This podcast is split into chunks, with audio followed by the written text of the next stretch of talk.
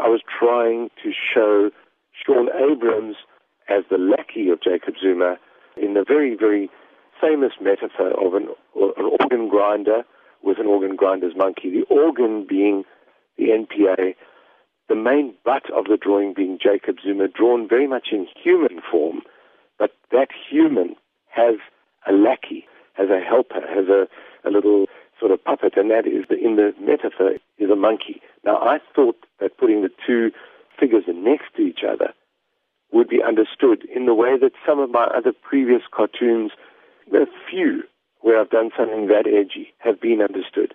Op Twitter die sangeres Simpiwe Dana gesê sy kan nie verstaan hoe Zapiro nog kan voortgaan om soos wat sy dit gestel het sy rasisme te beoefen nie. Serapi lei daarop gewys dat daar ape in van sy vorige spotprente ook was. Daar is selfs toe te gebruikers wat vra dat koerante nie meer sy spotprente moet gebruik nie. Sapiro het erken dat hy dalk die keer te ver gegaan het, maar hy sê die spotprent oor Shaun Abrams was nie bedoel om rassistiese toon te hê nie.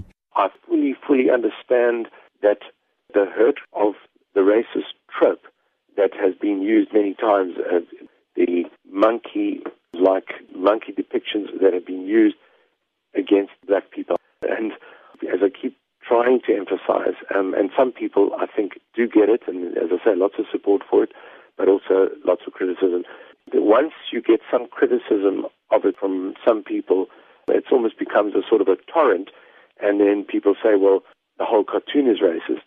I'm trying to defend myself on that score, but I'm also saying I don't believe that I could do something that complex in one image and get away with it. It didn't work. Zapiro sê sal sy spotprinter sien na die onlangse Jean Estreisen is sapiesenis.